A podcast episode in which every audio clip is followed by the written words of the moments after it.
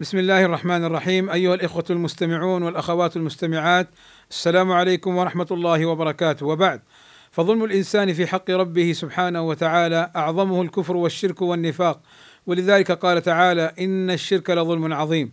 وقد بين النبي صلى الله عليه وسلم أن من لم يشرك له الأمن وأن من أشرك لا أمن له وأن الشرك ظلم عظيم. فعن عبد الله رضي الله عنه قال لما نزلت الذين آمنوا ولم يلبسوا إيمانهم بظلم شق ذلك على المسلمين. فقالوا يا رسول الله أينا لا يظلم نفسه؟ قال ليس ذلك إنما هو الشرك. ألم تسمعوا ما قال لقمان لابنه وهو يعظه؟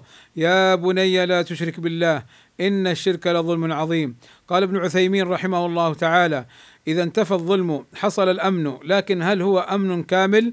الجواب أنه إن كان الإيمان كاملا لم يخالطه معصية فالأمن آمن مطلق أي كامل. وإذا كان الإيمان مطلق الإيمان غير كامل فله مطلق الأمن أي أمن ناقص. مثال ذلك مرتكب الكبيرة آمن من الخلود في النار وغير آمن من العذاب. بل هو تحت المشيئة. قال تعالى إن الله لا يغفر أن يشرك به ويغفر ما دون ذلك لمن يشاء. وقوله أولئك لهم الأمن وهم مهتدون. الأمن والهداية يكونان في الدنيا والآخرة. انتهى. والشرك سبب للظلم والفواحش والتوحيد سبب للعدل والطيبات. قال ابن قيم الجوزية رحمه الله تعالى الشرك يدعو إلى الظلم والفواحش كما أن الإخلاص والتوحيد يصرفهما عن صاحبه. انتهى.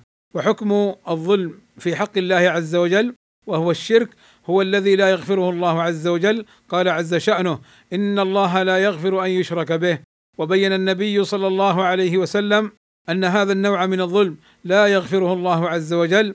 فقال فأما الظلم الذي لا يغفر فالشرك لا يغفره الله. والسلام عليكم ورحمة الله وبركاته.